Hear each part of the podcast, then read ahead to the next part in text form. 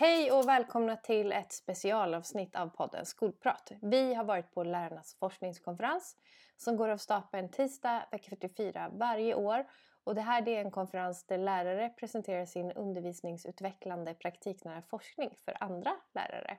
Stockholm Teaching and Learning Studies är de som organiserar och i år så var det Kunskapsskolan som stod värdar för detta mycket givande arrangemang. Vi har träffat Inger Eriksson, professor vid Stockholms universitet en av två vetenskapliga ledare för Stockholm Teaching and Learning Studies. Eh, och I det här samtalet med henne så pratar vi om praktiknära forskning, hennes olika pågående forskningsprojekt, abstrakt tänkande och hur skolan kanske kan tänkas se ut om 50 år och mycket, mycket mer. Hoppas ni uppskattar samtalet lika mycket som vi gjorde. God lyssning! Hej Inger Eriksson, vad roligt att du är med här i Skolprat idag. Ehm, vem är du och varför träffar vi dig idag? Ja, varför ni träffar mig idag, det kan man fråga. Jag heter alltså Inger Eriksson och eh, jobbar på Stockholms universitet. Jag är professor i pedagogik där. Eh, och eh, jag har en bakgrund, både en bakgrund som lärare, fast det är väldigt långt tillbaka och det är på ett i ett annat land. Men i alla fall. Jag jobbar med, väldigt mycket med skolforskning. Mm. Eller snarare så jobbar jag med undervisningsutvecklande forskning. Undervisningsutvecklande forskning. Ja, och jag är mest intresserad av vad i en lärande situation, vad i en undervisningssituation är det som skapar förutsättningar för eleverna att utvecklas utöver det vad vi förväntar oss att de ska mm. utveckla. Det vill säga, hur kan vi kvalificera undervisningen så att eh, vi måste slå hål på våra fördomar. Oh. Om vad elever kan och inte kan. Och ja. var, de, var man borde börja och var man inte borde börja och så vidare. Den här, det här som är det där svårdefinierbara, det, där, det låter nästan som bildningsbegreppet. För eller? mig, är, allt lärande handlar ju om bildning, personlighetsformering mm. och mm att bli förtrogen i en ny sorts praktik mm. än den vad eleverna har eh, tillgång till på annat sätt. Ja, Jättespännande. Det, var, det, det fanns så mycket där ja, jag skulle vilja spinna vidare på. Men kan, kan, du ge något exempel på, en sån, eh, på, på något sådant forskningsområde som du har jobbat med de senaste alltså, Det som jag har jobbat med under de här senaste åren, både tillsammans med i, i ett forskningsprojekt som vi har från, finansierat av Skolforskningsinstitutet och i relation till eh, några doktoranders projekt, handlar om att eh, också redan från väldigt, väldigt tidig ålder introducera elever i ett teoretiskt arbete mm. eh, kring, med utgångspunkt i matematik eh, och algebra. Mm. Att eh, eleverna från början ska lära sig, eh, eller bli inbjudna i en praktik där de kan eh, utmana varandra i att förstå till exempel algebraiska uttryck. Mm. Eh, och föra resonemang om det. Vilket handlar om en undervisning som inte eh, matchar kanske den undervisning som vi har idag. Mm. Där vi tänker att barn måste, tidigt små barn måste lära sig konkret. Mm. Uh, och sen så småningom ska de lära sig generalisera utifrån det till ett mer abstrakt tänkande. Mm. Och vi tänker tvärsom. Mm. Att vi måste börja med det teoretiska tänkande för att eleverna så småningom sen också ska kunna bemästra det, den traditionella matematiken med operationer och mm. beräkningar och sånt. Men där vi tänker att det är liksom att utveckla elevers kreativa tänkande, kreativa resonemangsförmåga och så vidare. Det är det vi måste ha. Och ju tidigare vi kan börja, desto snabbare, mera bekväma blir de mm. och mera förtrogna blir de med ett sådant eh, sätt. Sen prövar vi i våra forskningsprojekt också att göra det i årskurs 5 och 7 och upp i gymnasiet. Mm. Men mitt huvudfokus har legat på just hur man introducerar matematik för de yngsta barnen. Törs du säga något om resultaten så här långt? Ja, men vi har väldigt många intressanta. Vi ser ju att ungarna blir, ja de förvånar lärarna. Mm. Mm. och det var det här du pratade om just? Ja, det, ja, men jag tycker att det är en sån sak. Vi, vi tror att vi vet hur elever tänker. Mm. Och jag vill säga att nej, vi vet knappast alls hur elever tänker. Mm. Eh, och att en del av en undervisningsutvecklande forskning handlar också om att kunna hitta sätt att ta reda på hur tänker elever. Men också hur kan vi ta dem ett steg längre? Hur kan vi, eller ja, tycker sådär, hur kan vi flytta dem till en annan planet? och få dem att utforska den planeten. Mm. Inte det som de är förtrogna med i vardagen, utan det som de inte är och det som de inte kan få tillgång till på, själva. Utan det som skolan kan erbjuda. Just det. Och jag tänker att det borde ju vara, eftersom, nu generaliserar jag lite, men eh, ju yngre man är desto mer kreativ och nyfiken tenderar man ju att vara. Man blir lite filtrerad eh, när man blir äldre. Så jag tänker att det här är sättet att, att jobba, det du beskriver, de måste ju kasta sig efter det, liksom att kasta sig över det på något De sätt. är väldigt, en, av min, en av doktoranderna eh, som jag har jobbat med under ganska många år, Helena Eriksson uppe i, i Borlänge, hon, eh, hennes elever, när de, de brukar fråga henne, ska vi ha snäll matte? Det vill säga den matten när vi diskuterar och där vi lyssnar på varandras åsikter. Eller ska vi ha vanlig matte? Snäll matte, vanlig matte. Och då, är det, liksom, då är, vet de att de går in i en sån mattesituation där eh, liksom man, måste, man måste förstå hur den andra har tänkt. Just det. Man får, inte, man får inte bara säga jag har tänkt så här. Och läraren ställer aldrig en sån fråga, hur tänker du? Nej. Utan eh, Petter, hur tror du att eh, nu Karin. Karin tänker? Mm. Eh, när hon säger så. Varför sa hon på det sättet? Just det. Och det är snäll matte. Ja, det är snäll matte när man måste lyssna på varandra. Och det finns ju tydliga förväntningar och ett, eh, på de eleverna då, att de vet vad som förväntas av mig i den här Mm, mm, snällmattesituationen jämfört med mattesituationen. Men vi har, ju ett, vi har ju ett sånt begrepp som jag antar att ni har mött flera gånger idag. Jag tror att det är ganska vanligt återkommande eh, och det är det här didaktiska kontraktet. Mm. Alltså elever och lärare skapar ju i skolan ett didaktiskt kontrakt. Ja. Eh, Men man kan ju också skapa alternativa didaktiska kontrakt. Ja, och kan, de här måste ju vara eh, mer löst sammansatta eller mer liksom hårt sammansatta, tänker jag. Eller hur tänker du? Jag tänker att alla praktiker har ju sina regler och Ja. sina normer och sina förväntningar. Så att det är inte, eh, jag, jag tror inte att de är mer eller mindre lösa på det sättet. Nej. Vi kanske uppfattar dem som, och barnen uppfattar dem uppenbarligen som mera lösa Ja. eller Mm. om de klassar det som snällmatte Ja. jämfört med. Men det är inte där man måste prestera och göra rätt utan det är där man måste argumentera och försvara sina ståndpunkter och förklara hur man har kommit fram till saker och ting. Mm. Men vad lägger du i det begreppet då, didaktiskt kontrakt?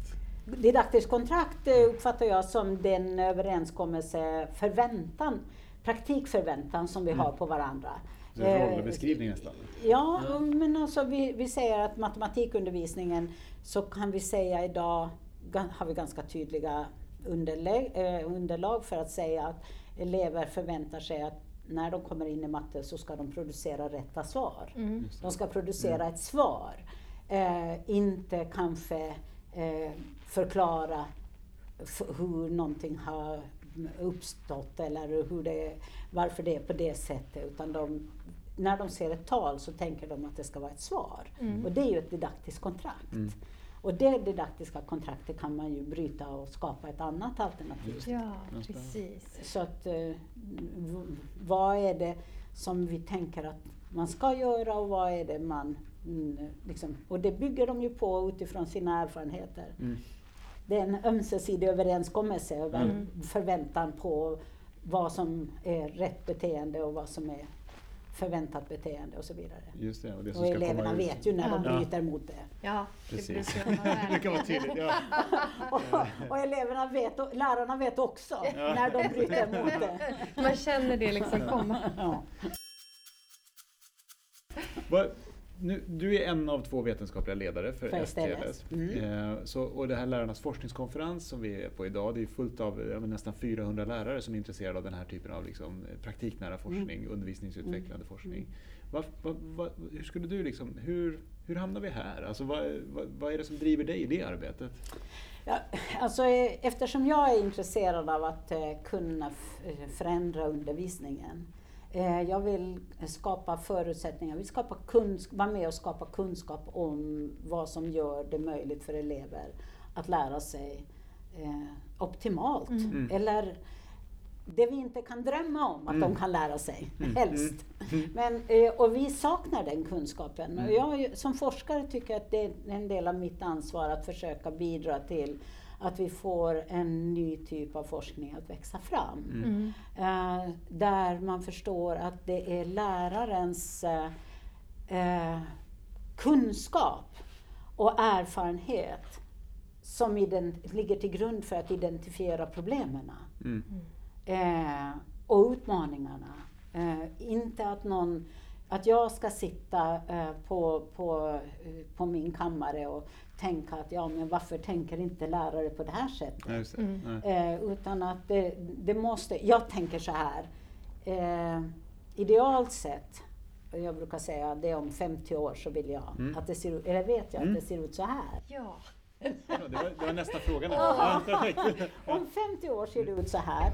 Då finns det på alla stora eh, skolor finns det en forskningsavdelning.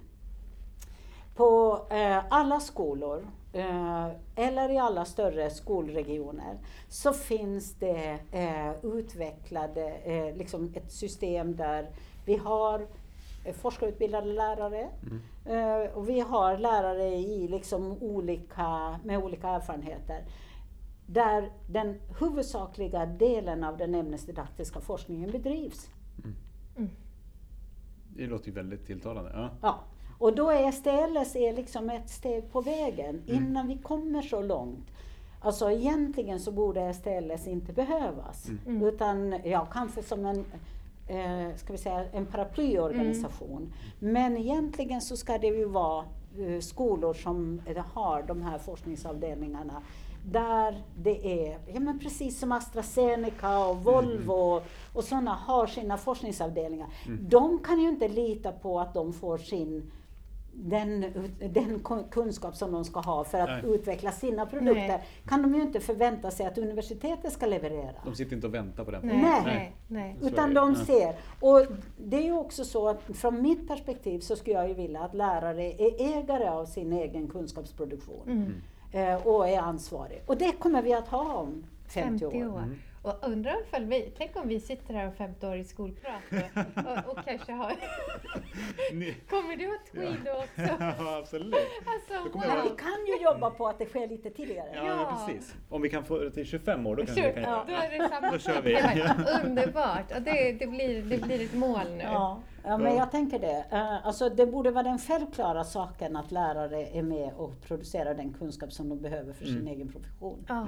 Och STLS är organiserad för att skapa förutsättningar. För att eftersom, och det krävs väldigt mycket av en kommande lärarutbildning. Mm. Eh, Det krävs väldigt mycket av fackerna, att Mm. de faktiskt ställer upp på att professionen ska vara kunskapsgeneratorer själva. Mm. Eh, Och inte att, eh, eller som Skolverket säger, att forskningen finns på universiteten. Och att lärare bara ska tillämpa dem.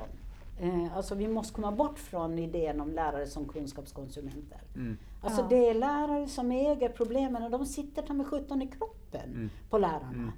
De, ja, men man går ut från ett klassrum och så vet man att Mm. "Åh, Ja. inte nu heller. Nej. Ja, Men vissa det- saker. Ja, ja, ja. och så Precis. andra saker Mm. så känner man, ja! Men då kanske man, ja, och sen så hinner man inte riktigt tänka till, men vad var det nu som gjorde skillnad i den här stunden? Vad var det jag gjorde som Ja. gjorde att det blev yes? Ja. Jämfört med Ja. no förra veckan. Precis, och det är ju det som man vill veta. Och det kan handla väldigt mycket om uppgiftsdesign, det kan handla om, eh, vad heter det, eh, vi håller på i ett forskningsprojekt nu där vi ser att det väldigt mycket handlar om kommunikationsmönster.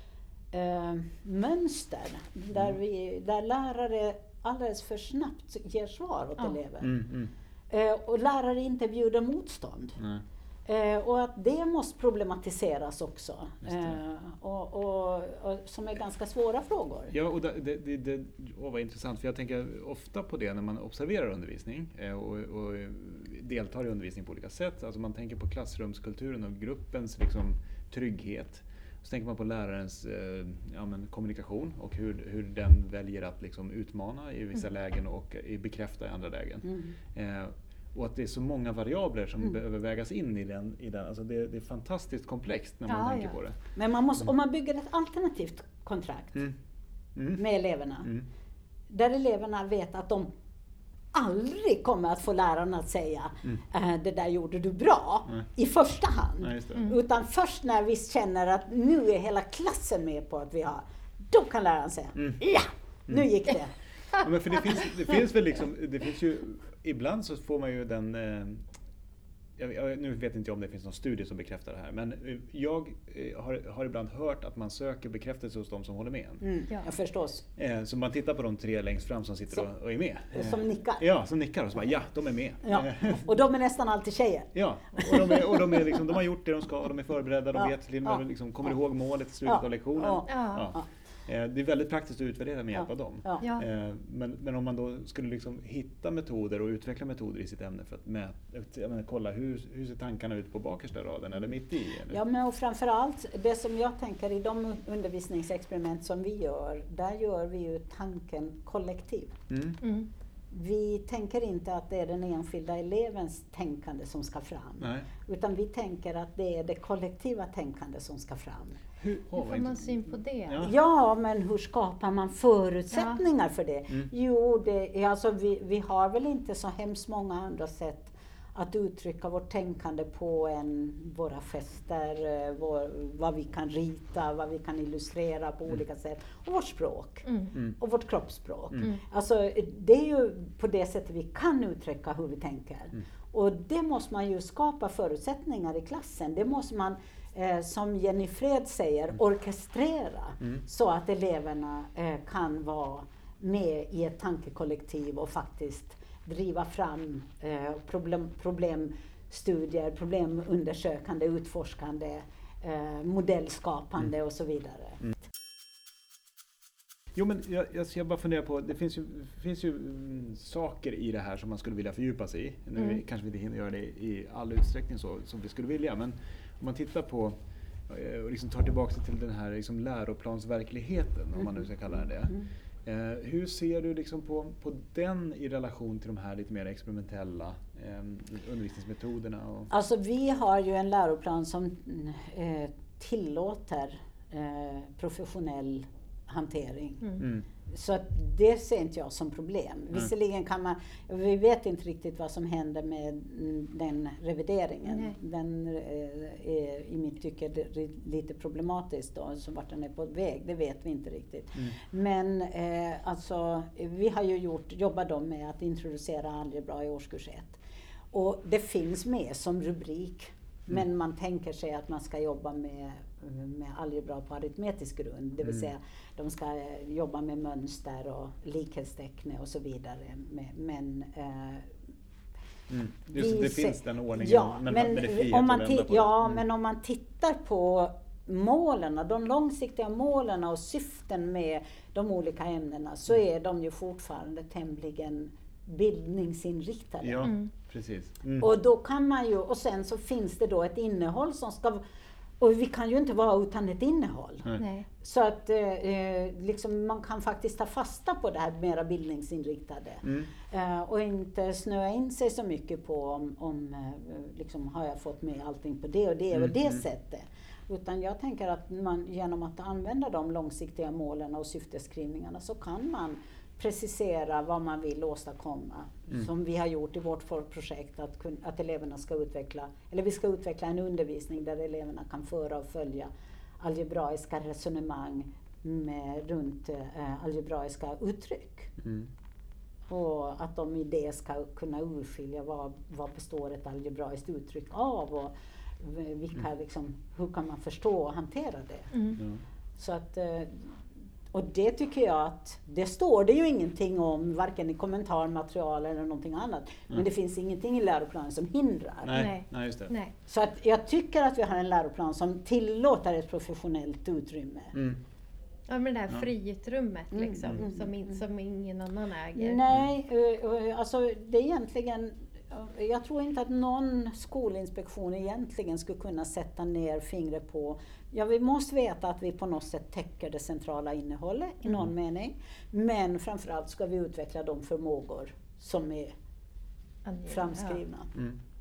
Och vi har nio år på oss i grundskolan Mm. Ja. Mm. och tre år på oss i gymnasieskolan. Mm. Så Mm. fine. Vi kan göra lite. Ja.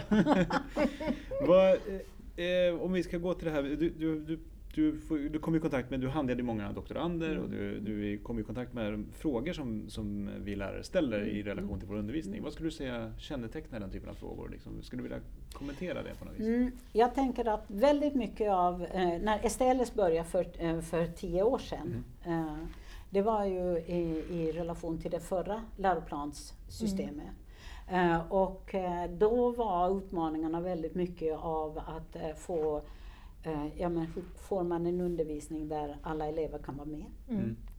Eh, och hur formar man en sån undervisning? Eh, och hur kan innehållet behandlas så att eh, eleverna liksom får tillgång till det kunnande man vill handla om? Sen ställer inte lärarna de frågorna på det sättet ännu. Mm. Eh, därför att eh, man ställer kanske, man formulerar sig i vagare termer. Mm. Man säger kanske att vi, vi har problem med att få elevernas läsförståelse. Det, Mm. liksom eleverna förstår inte. Ja, de kanske läser tekniskt men de förstår inte. Mm. Och så identifierar vi ett problem, alltså någonting som skaver och som är utmaningar. Och då, utmaningarna kanske kommer till uttryck i, när man läser läroplanen eller man eh, får pressen Mm. På sig. Mm. Eh, jag tycker att svenska lärare är ju väldigt hårt utsatta Mm. av eh, hela mediebranschen Mm. eh, på ett sätt som gör att en del frågor, hur kan vi säkra bedömning och, Mm. och sånt Mm. här. Sen ja, när, vi, när de här typen av problem, vida problem kommer till, till STLS Mm. så då jobbar vi ju med, i, i nätverken med att liksom okej, vad är det egentligen och vad finns det för forskning? Mm. Eh, var var liksom placerar vi det här? Hur kan vi precisera det? Vad har ni tänkt för metoder? Det för allt sånt bestämmer sen vad det är för typ av fråga som egentligen. Men mest handlar det om, tycker jag, alltså utmaningar som lärare står inför i sin vardag Mm. Otillfredsställelse med att jag når in, Jag har en idé om jag, vad jag vill åstadkomma, Mm. men vi kommer inte riktigt dit. Nej. Och det här är inte liksom bara tillfälligt, det var inte bara den här ena lektionen utan jag Just det, vet det inte nu. återkommer, det är de där Ja, grejerna som ja. återkommer. Ja, men precis. Ja men nu ska jag igen gå in och ha eh, det här och det här Mm. med eleverna. Och, Mm. och så frågar man, har du något tips? Mm. Och, och liksom ofta så är man ju, skulle man ju vilja ha den där kunskapen som inte finns. Mm. Den skulle man ju vilja ha och i ganska lätt förpackad form. Och Mm. det tror jag aldrig att vi kommer Nej. att få Nej. i lätt förpackad Nej. form. Men däremot så kanske vi kan få den i, i en form som gör att vi gemensamt med andra lärare kan också resonera oss fram och pröva oss fram Mm. lite mera. Mm. Mm. Stort tack. Stort tack för att vi fick prata med Ja. dig. Vi, Eh, vi kanske får anledning att återkomma. Vi Ni bjuder in dig igen. ja, det går bra. Får Tusen tack. Ja, tack så mycket.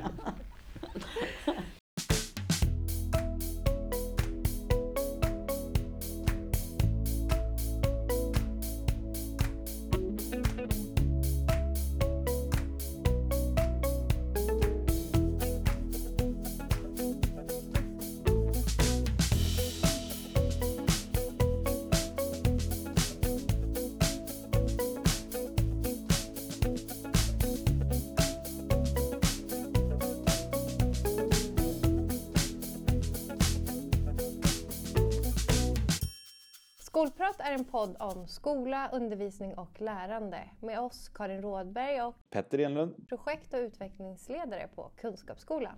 tack för att ni lyssnat.